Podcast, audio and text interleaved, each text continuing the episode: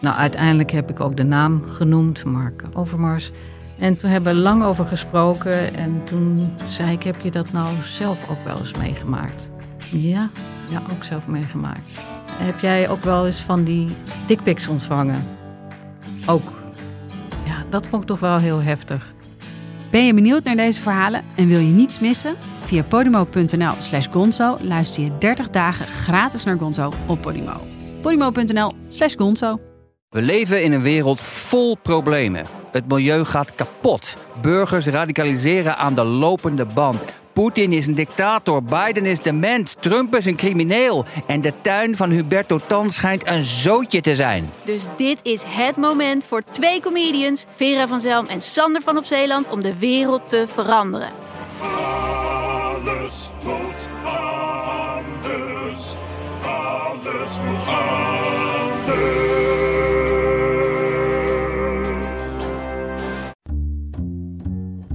Hallo, vanaf de redactie van de Groene Amsterdammer is dit uw wekelijkse podcast. Ik ben Kees van der Bos.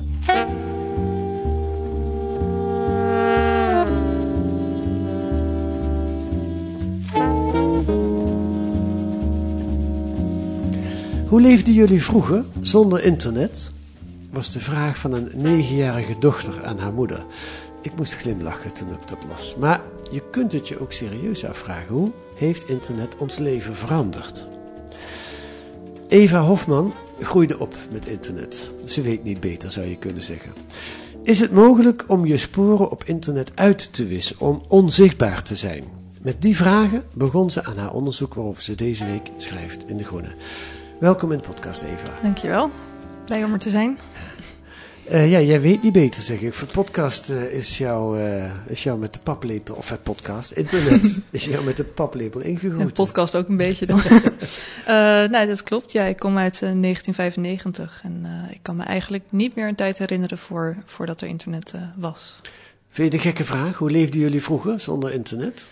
Vind ik dat een gekke vraag? Nee, nee, eigenlijk niet. Want ik, eh, ik kan het me eigenlijk niet zo goed voorstellen dat ik eh, me door de wereld zou bewegen zonder, eh, zonder telefoon aan mijn zijde. Nee? Nee. Nee, ik ben hem wel eens vergeten. Ja. Ehm, een dag. En dat vond ik echt schokkend. Ik, ik wist helemaal niet meer waar ik heen moest. Ik moest met het OV een stuk. En ik dacht, ja, wat nou als het timevertraging heeft? Of als ik een andere route moet nemen? Dan moet ik dat ineens met borden gaan doen. Nou ja, ja dat zou wel wennen geweest zijn. Ja, het is een, het is een soort, die, die telefoon dan met name, die is de, de, de, de permanente verbinding met het internet, met alles, met de wereld. Precies, ja. Ja, ja, de telefoon staat dan ook in zekere zin synoniem aan het internet. De tijd dat je echt achter de computer plaatsnam en Ja. eh, ging surfen op het web. Dat, eh, Ja. dat is wel even geleden. Hoe oud was jij toen jouw eerste mobieltje kwam? Ehm 12, geloof ik. Ik zat in groep 8. Ja. En was je daarmee gemiddeld? Of hadden vriendinnen van jou hadden allemaal een lange mobieltje? Nee, ik was wel redelijk gemiddeld. Ik denk dat ik de eerste of de tweede was, maar al snel hadden we er allemaal wel één. En toen had je ook van die. eh, toen kon je al met je telefoon fotootjes maken. En daar waren dan ook al de, de eerste filters. Dus dat je een clownsneus op elkaar kon, eh, kon fotograferen Oh ja. en zo. Maar Oh ja. Van die Ja. flipphones, dat waren mijn telefoons. Oké, toen is het begonnen. En Mhm. eh, nu ben je 25, dus 13 jaar later. Mhm. Ehm, nou, je zei het net al een beetje, maar toch die vraag: welke rol speelt nu de telefoon in jouw leven? Ehm, ja, dat, het is, ik vind het een, een confronterende vraag. Want het is het, eigenlijk het eerste waar ik op kijk als ik wakker word en het laatste voor ik ga slapen. Ehm, Hij ligt naast je bed. hij ligt naast mijn bed en ik weet eigenlijk helemaal niet hoe vaak ik naar mijn telefoon grijp. Dat kun je tegenwoordig checken, hè? hoe vaak je je scherm opent op je telefoon. Oh. Ik, durf, ik durf dat niet te zien, maar hij houdt het wel bij.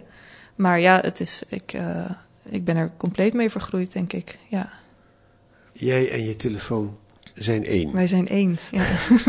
Ik, ik hoorde van een jonge collega ooit dat ze klaagde als je met vrienden of vriendinnen in de kroeg zat. Dat je eigenlijk nooit meer alleen met die vrienden en vriendinnen altijd iedereen op zijn mobiel zit te kijken. Ja, ja, dat is een veelgehoorde klacht. Ik probeer dat eh, niet te doen. Dus, dus op het moment dat je echt met elkaar zit, om elkaar ook wel aan te kijken en een normaal gesprek te houden. Maar ja, als je dan, als je dan een, een, simpele vraag hebt of je, je hebt ergens een discussie over, dan is het heel verleidelijk om toch even te gaan googlen van, Ja. oh ja, maar hoe zat het nou precies? En Ja. ja, ja. Ja, dat. Het andere is, als het gesprek je even wat minder interesseert, dan wil je toch even kijken of er nog appjes binnengekomen zijn. Of, eh, ja. ja nou dat, dat is dan de, de actieve, het actieve niet doen. Ja. Dus, dus laat hem in je tas zitten en als je dan, eh, weet ik veel, even naar de wc moet of zo, kijk dan even wat voor appjes er binnengekomen zijn. eh. Maar dat, dat doe ik dus wel als ik wegloop of naar de bar. dan neem je even de telefoon Neem je mee. even de telefoon mee. Ja. Ja, ja, ja. Het gekke is, je bent eigenlijk altijd op twee plaatsen, op die manier. Ja. Je bent waar je bent, in- het café of waar dan ook. En je bent via de telefoon in de rest van de wereld. Ja, ja, dat klopt. Je bent eh, niet meer offline. Ja. Nee. In je artikel, daar gaan we zo verder op in, schrijf je dat je wel eens een paar dagen kopje onder gaat. Eh, wat is dat, kopje ondergaan? Kopje onder, ja, ik, ik heb dat zelf zo genoemd, maar daarmee bedoel ik eigenlijk dat ik het even niet kan opbrengen om, eh, om te reageren op mensen. Dus er komt, kijk, je bent natuurlijk, je bent al jezelf in de fysieke ruimte en dat, dan kun je druk hebben. Eh, maar als er dan ook nog eh, via verschillende mail, chat, sociale media diensten eh, berichten binnenkomen en, en vragen en verzoeken en leuke dingen, maar ook vervelende dingen, dan het kan mij wel eens te veel worden en dan, dan kan ik het even niet meer opbrengen om te reageren. Nee. Dus het, het klinkt, het is niet een, een, van, eh, bewuste actie van, eh, uit kracht, van ik doe het gewoon vandaag niet. Maar dit klinkt meer als, ah, ik ben het even beu. Was het maar een bewuste actie? ja. Ja? ja, nee, nee. Het is inderdaad, eh, het is inderdaad gewoon eventjes even te moe. Ja, ja. En even. En dan, nou ja, dan is het ook goed om dat de mensen om je heen weten van, nou ja, die zal wel eventjes eh, kopje onder zijn. En die komt ook wel weer boven. Kan dat ook? Wordt dat geaccepteerd? Ja, ja, zeker. Als ik, nou ja, als ik mijn moeder een paar dagen niks laat horen, dan eh, belt ze me even op en dan vraagt ze of het goed gaat. En dan Ja. zeg ik dat het goed gaat en dan eh, is het ook wel weer prima. Maar ja, natuurlijk, vrienden kennen je ook, toch? Dus die, eh, en, en echt, echt urgente dingen. Als er een, ineens een enge brief van de belasting of zo komt, dan reageer ik heus wel. Ja, ja. ja, Ja. Nou ja, ik vraag het ook. Ik heb zelf ooit de gewoonte gehad om de, eh, de beltoon van mijn telefoon af te zetten, zodat ik niet heel gestoord werd. En dan zie je ook al na een uur wie er gebeld heeft en dan kun je altijd kiezen om terug te bellen of niet. Maar ik kreeg vaak boze reacties van mensen. is dat zo? Ja, Ja. zo van, ik heb je gebeld en eh, je neemt nooit op. Och ja. Ja, als je, als je permanent online bent, dan ben je misschien ook wel permanent beschikbaar. ja, ja, je hoort ook mensen klagen natuurlijk eh, dat ze niet meer echt een eh, werk-privé-balans kunnen hebben, omdat er eh, eigenlijk altijd wel verwacht wordt dat je even op dat belletje van de baas reageert. Mhm. Daar heb ik zelf niet zo heel veel last van. Maar het is wel af en toe ineens als iemand echt iets van je wil of zo. En je denkt, nou, ik ga mooi niet reageren. Ja, tuurlijk reageert iemand dan gepikeerd.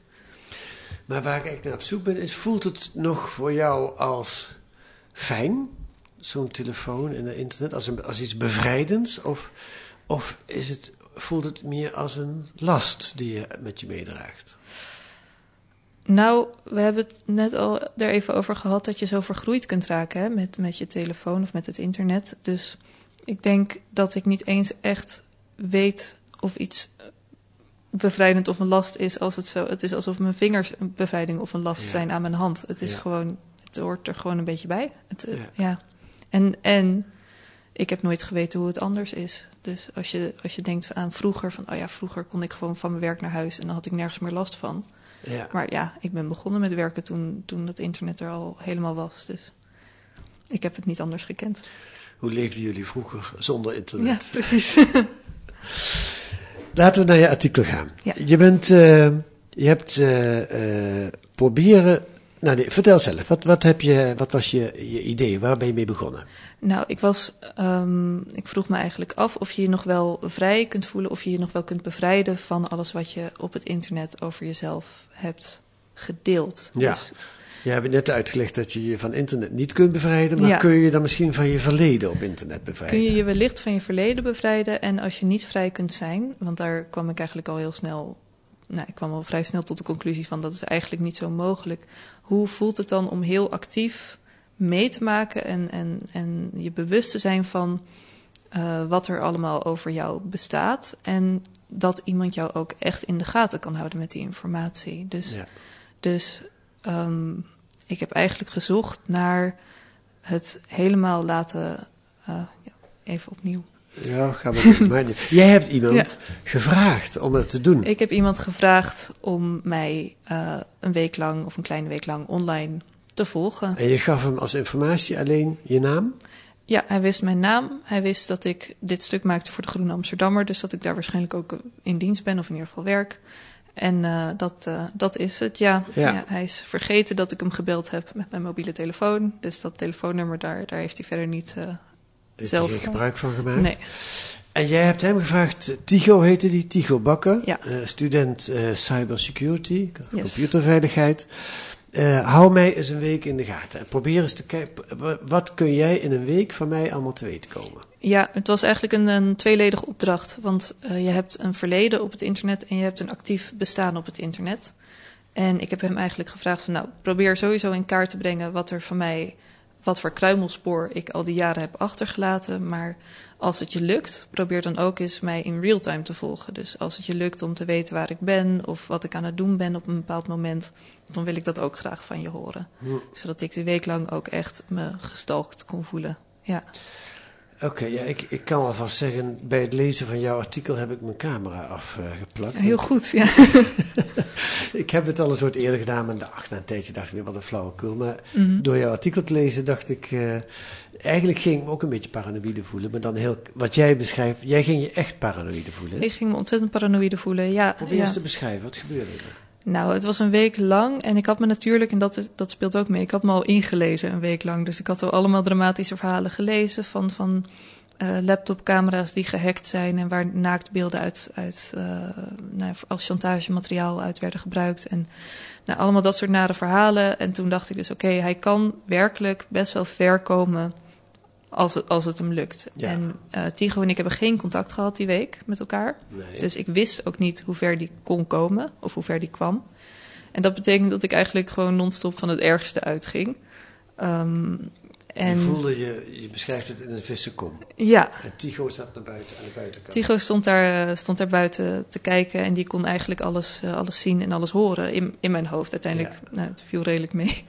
Maar ehm, ja, op een gegeven moment, ik, nou ja, een, een, een intiem gesprek met, met iemand of, of een, ja, weet ik veel, wat, wat doe je allemaal in je vrije tijd? Ik, op, als je op elk moment ogen op je voelt, dan, eh, dan kijk je wel uit. En eh, langzamerhand begon ik ook mijn mailtjes beter te lezen. Om, om te kijken of daar niet een phishing link in zat. Of eh, je kunt je telefoon, daar gaat een lichtje van aan als de camera aangaat. En ik, ik begon ineens dat lichtje ook heel erg in de gaten te houden. Van wanneer is die camera eigenlijk aan?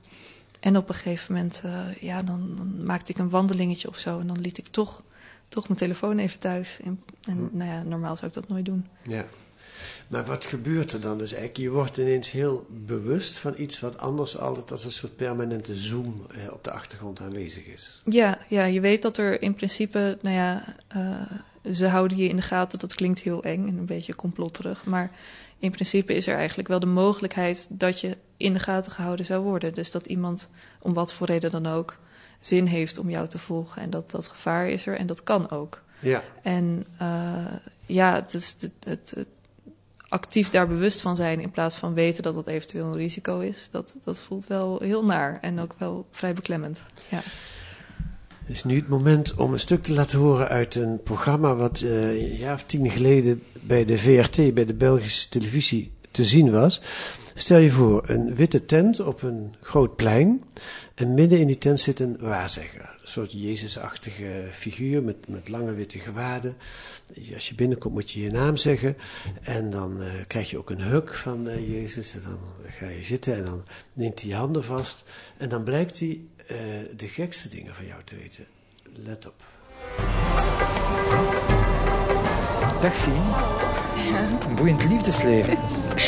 Drie, vier zelfs. De vierde, daar zwijg ik meestal over, dus dat weten niet veel mensen. Maison rouge, balkon, blanc. Ja.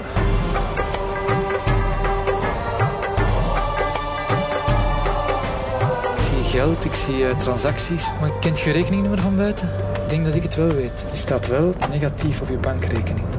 Ja?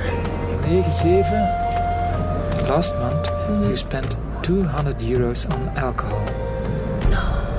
vorige maand 300 euro aan kleding gespendeerd. Deze waarzegger wist de meest wonderlijke dingen van de mensen die tegenover hem zaten, die daardoor eh, erg in me gingen geloven. Tot op het laatst. En toen viel in die tent aan de zijkant de doeken naar beneden. En daar zaten allemaal mensen achter computers. En toen bleek wat er gebeurde. Die hadden verbinding met een microfoontje met de waarzegger.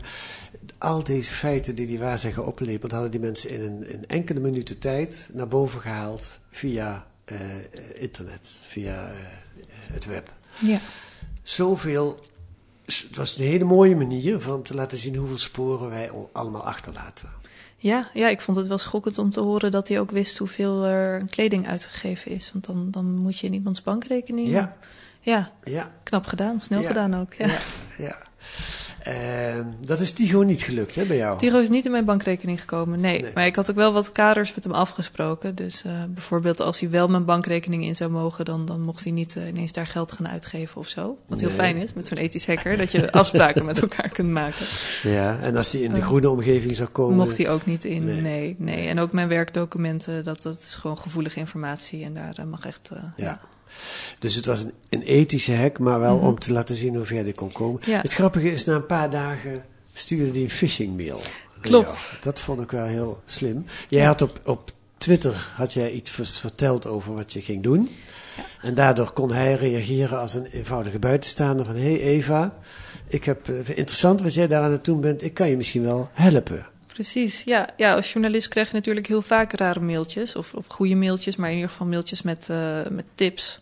En, eh, en hij had zich voorgedaan als een, eh, een tipgever. En dat heeft hij ook goed gedaan. Hij heeft een nepnaam laten genereren. En hij heeft zelfs een Twitter-account aangemaakt met ook een, eh, een foto van This person does not exist. Ehm, Wat betekent dat, een foto van this person? This Person Does Not Exist is een website waarmee je een, een nep foto kunt genereren van eh, een, een mens dat niet bestaat, maar dat wel levensecht lijkt. Maar waar je dus niet, je stilt dus niet iemands foto, maar je creëert een nieuw mens. Nou, dat heeft hij dus gedaan. Ehm, Rodney Langevoort was deze persoon en die had zogenaamd een tip voor mij met een, nou ja, een bestand met, eh, met bepaalde gegevens. En dat had hij netjes bijgevoegd in de mail. Het enige wat ik hoefde te doen was even klikken op het bestandje in de mail. En dan eh, vervolgens eh, zou die. zou, nou ja, goed, uiteindelijk zou onze Tigo dan, dan mijn computer in kunnen. En Ja. heel veel informatie over mijn computer kunnen winnen. Maar jij was wakker. Ik was wakker. Ja, nee, goed. Ja, dat krijg je dan ook. Dat je extra gaat opletten, omdat je weet dat je met zo'n onderzoek bezig bent. En, en toen zei Tigo ook achteraf: van, nou ja, ik merkte dat je daar paranoïde werd. Want ehm, wie gaat nou in godsnaam het document bestuderen en dan kijken waar het vandaan komt en domeinnamen checken en zo. Dat had ik allemaal wel gedaan. En toen zag je dat die... Toen zag ik dat die, dat die domeinnaam de dag zelf was aangemaakt. En ergens helemaal diep in dat bestand zat nog een informatie over dat het wel gemaakt was door, door Tigo Bakker. Ehm, dus, dus zo had ik het nog wel gevonden. Maar dat had ik denk ik niet gedaan eh, als, ik, ehm, als ik hier niet mee bezig was geweest. Ja. Eh, sterker nog, ik hing al een beetje boven, boven het bestandje toen gelukkig mijn vriend er ook bij was en zei van, hé, hey, maar is dit dan geen phishing, eh, phishing mail? Dus, dus die heeft mij gered. Maar uiteindelijk ging dit artikel natuurlijk niet per se over, kan ik gehackt worden, maar, maar over eh, juist het toelaten van, van zo'n hack. Eh, dus ik heb uh, na enige overweging wel op de link geklikt. Ja. ja, toen heb je het bewust gedaan. Bewust, ja, ja een keuze ja, gemaakt daarin. Ja. En wat betekende dat? Wat kon Tigo daarmee voor elkaar krijgen? Uh, Tigo kon zien welke browser ik gebruik uit mijn hoofd. Um, en ja, op, welk, op welk wifi-netwerk ik was aangesloten.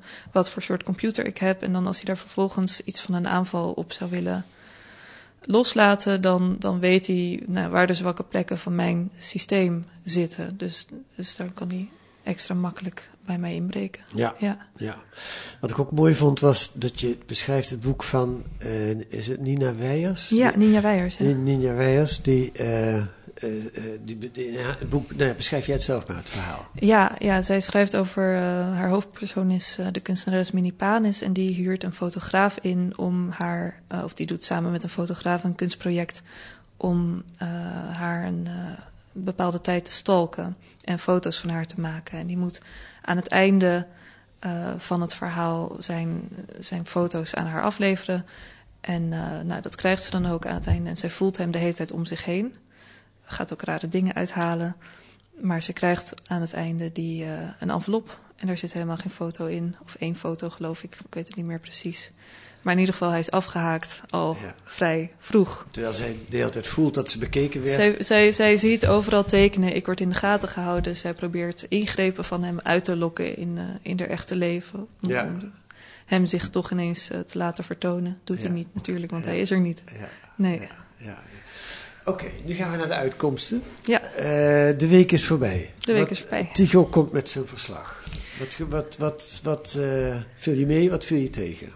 Nou, ehm, ik, ik was dus ergens heel even bang van... ja, straks ben ik ook mini-panis... en straks ehm, is er, heeft hij eigenlijk helemaal niks gevo- gevonden... En, en heb ik daar een week paranoïde zitten zijn... En, eh, nou ja, en, en, en komt, daar, komt er niks uit. Maar Tycho had wel degelijk het een en ander gevonden. En die begon ook met... ja, ik, begon, ik merkte dat jij, eh, dat jij paranoïde werd. Toen dacht ik, nou, shit. Ja, dan voel je je echt... ja, toen voelde ik me wel, wel gezien. Ja. Want dat Ehm, was ook zo. En toen- ja, ik was ook paranoïde geworden, ja. Ja. En ehm, waar hij mee begonnen is op maandag, is een hele... Hij heeft een heel spinnenweb gemaakt met mij, eh, mijn naam in het midden. En hij is begonnen met googlen. En hij heeft via Google al ongeveer alle accounts gevonden waar ik ooit ben ingeschreven... ehm, in, in jarenlang internetgebruik. En, en via die accounts kwam hij weer op nieuwe informatie. Ik heb een tijdje een column gehad en daarvan had hij ook mijn, mijn huisadres min of meer afgeleid. En ehm, Ja, want in die column beschreef je dan een winkel om de hoek of iets. ja, ja, ik had een buurtsupermarkt tegenover mij en een Ja. nieuwe Jumbo City om de hoek. Ja. Dus hij kon zoeken eh, op, op, nou ja, op Google waar in Amsterdam een nieuwe Jumbo City was. Ja. En nou, waar zit dan die andere supermarkt? En nou, dat was best wel, eh, best wel schokkend hoe ver je daarmee kunt komen alleen al. Dus hij wist waar je woonde. Hij wist, hij wist waar ik woonde en hij heeft via de KVK, en dat is heel vervelend, ik ben heel lang ondernemer geweest. Kamer En- van Koophandel. Oh ja, sorry, de Kamer van Koophandel. Ehm, ik ben lang ondernemer geweest en daar, de KVK registreert eigenlijk eh, nou ja, je e-mailadres, maar ook al je woonadressen als je zelfstandig ondernemer bent. Ja. Dus die kon die helemaal terugzien. En eh, ja, nou ja, zo weet je wel snel waar iemand woont. Dus die gegevens heeft hij opgekocht. En eh, ja, toen had hij mijn e-mailadres, toen had hij mijn telefoonnummer. Ehm, vervolgens had hij ook mijn groene mail. Hij, kon, eh, hij heeft mijn mailadres nog door een, een website gehaald waar je kunt zien of iemands wachtwoord ooit gelekt is. Toen heeft hij nog oude wachtwoorden op andere websites van, van collega's gevonden, maar die doen het gelukkig niet meer. En ons mailsysteem is ook wel goed beveiligd, dus dat zit wel goed. Ja. Ehm, maar hij, eh, hij is heel, heel erg dichtbij gekomen, ja. En als hij gewild had eh, en geen ethisch hacker was geweest. Ja, hij is eh, heel netjes binnen de grenzen van het legale gebleven. waar ik blij mee ben natuurlijk. Maar als hij dat niet had gedaan, dan had hij bijvoorbeeld kunnen zien nou ja, welk, op welk IP-adres ik zat. En daar vervolgens dus de zwakke plekken, andere computers die daar eventueel aangesloten zijn, kunnen, kunnen proberen te vinden. En, en daar makkelijker op, op kunnen inbreken. Ja. En viel je ook iets mee? Dus je schrok eigenlijk van wat hij allemaal over jou ontdekt heeft. Mhm. Maar had je ook van, eh, op een bepaald moment dat je dacht, oh, dit had ik eigenlijk ook wel verwacht dat hij zou ontdekken. Dat heeft hij niet ontdekt? Of? Nou, ik was, ik was een beetje bang. Ehm, ik was dus ste- steeds vrij bang om, om afgeluisterd of, of bekeken te worden. En dat is hem niet gelukt.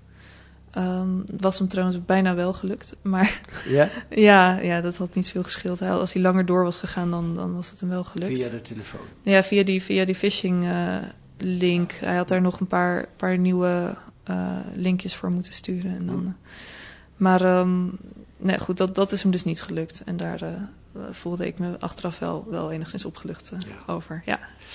Nou, ik ben een stuk bewuster geworden van mijn internetgeschiedenis, kan ik je zeggen. Mhm. Wat heeft het jou opgeleverd? Ehm, nou ja, bewustzijn is natuurlijk altijd een hele fijne. eh, op, ja, hoe zeg je dat? Een fijn resultaat. Maar eh, ik denk, voor mij is het het beste geweest dat ik me echt heb kunnen verdiepen in hoe beveilig je nou je mail, hoe beveilig je nou je, eh, je correspondentie tussen mensen. Dus misschien is het handig om op een, een beter beveiligde eh, eh, chatdienst als Signal te, te praten dan op WhatsApp. En misschien is het beter om toch overal tweestapsverificatie aan te zetten. Dus dat je ook een sms'je krijgt als je ergens bij je mail bijvoorbeeld inlogt, zodat Ja. je zeker weet dat jij het bent die inlogt. Dat soort kleine stapjes. Doe je dat nu ook? Gebruik je Signal? Eh, zo nu en dan, ja. En waarom niet helemaal? Omdat eh, je natuurlijk met z'n tweeën op Signal moet zitten. Dus Ja. eh, er zijn genoeg eh, familie, WhatsApp-groepen, eh, mensen met wie je even snel contact moet hebben, vrienden die dat allemaal niet hebben. En Ja. ja. dan sluit je je toch wel heel erg af weer. Ja. Nou ja, ik zei al dat ik mijn camera afgeplakt had op mijn computer. Ja. En ik ben ook gaan kijken op de site laatje-niet-hekmaken.nl van RTL-journalist Daniel Verlaan. Mhm. Laat je, in plaats van laat je niet gek maken, laat je niet hek maken. Met een hek met het Engelse hek. Ehm, dat is eigenlijk wat jij zegt. En daar staan een hele hoop van die tips op. Wat je, eh, als je internetgebruiker bent, wat wij allemaal zijn. En wel je internethygiëne zou je kunnen zeggen. Ja, waar, waar trap je wel in, waar trap je Ja. niet in? En nou ja, het is natuurlijk ook niet dom hè, om in een phishing link te trappen. Ik bedoel, ze worden steeds eh, eh, echter. En eh, nou ja, dat, dat kan gewoon gebeuren. Ja. Maar ja, goed, al die tips die, eh, die vind je daar inderdaad. Dat, dat is een fantastisch, fantastisch initiatief. Ja, ja. Nog één ding, tot slot, dat vond ik ook interessant. Een manier om je te verbergen als je iets heel stoms of iets schandaligs hebt gedaan op internet. Of als bekende Nederlander een misstap hebt gedaan, weet ik het. Is hiding in plain sight. Ja. Leg eens uit, wat is dat? Ehm, ja, dan, dan eh, maak je het algoritme van de zoekmachine in de war. En dat is, een, dat is best een geraffineerde techniek, dus ik kan hem niet heel, eh, heel concreet maken. Maar het, het gaat er in ieder geval om dat je eh, op een bepaald tempo nieuwe informatie. Nou, stel, stel je, weet ik veel, even kijken hoor, je hebt iets doms op een blog geschreven of zo. En eh, nou, dat, dat is, is heel groot geworden. En elke keer dat iemand jouw naam zoekt op Google, dan, dan vindt hij dat, weer dat blog. En dan, nou ja. En Terwijl wil. terwijl je er vanaf wil en je krijgt het niet uitgewist. Dus het staat dus gewoon op het internet, je krijgt het niet weg. Dan is een manier om dat algoritme zo in de war te brengen dat die informatie naar, dieper naar de tweede pagina bijvoorbeeld van Ja, Google zakt. Of je gaat heel veel informatie op het net zetten die er een beetje op lijkt. Die er een beetje op lijkt. Die, ja, en, die, die, nou ja, en een vakantiefoto en daar wordt dan een beetje op gereageerd. En dan langzamerhand is het onduidelijk welke informatie over jou nou echt of betrouwbaar is en welke niet. En zo, eh, zo verdwijn jij, eh, of zo verdwijnt dat feitje over jou Het verdwijnt niet echt, In een- het verzuipt in, in een moeras van Ja. andere feitjes over jou. Ja. Ja, ja, ja, ja. Ehm, dankjewel voor dit gesprek, Eva Hofman. ja, jij bedankt.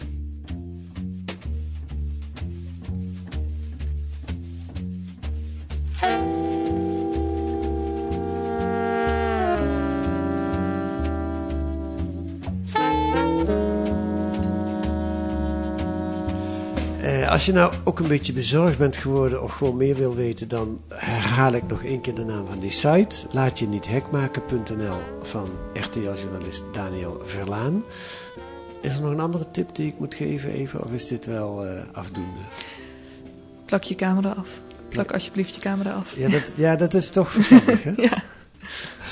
Goed, en verder in deze dubbeldikke zomerspecial van de Groene Amsterdam een reportage over de GGD in Gelderland, waar de testlocaties overstroomden doordat massale besmettingen plaatsvonden in discotheken met meer dan duizend bezoekers. Een interview en een interview met oud-VVD-leider Frits Bolkestein, die hebben we lang niet meer gehoord, die zichzelf omschrijft als een liberale vrijbuiter. Ik ben soeverein tot in de dood. Dat kunt u lezen met een abonnement of een proefabonnement. Ga dan naar groene.nl, daar wordt dat allemaal keurig uitgelegd. Wilt u reageren op wat u gehoord hebt in deze podcast? Dat kan ook. Stuur dan een mail naar podcast.groene.nl. Eh, volgende week zijn we er weer met analyses en achtergronden bij het nieuws in deze podcast van de Groene Amsterdammer. Deze week werd de podcast gemaakt door Misha Zaat en Kees van der Bos. En de muziek is de tune voor N van Paul van Kemenade. Bye.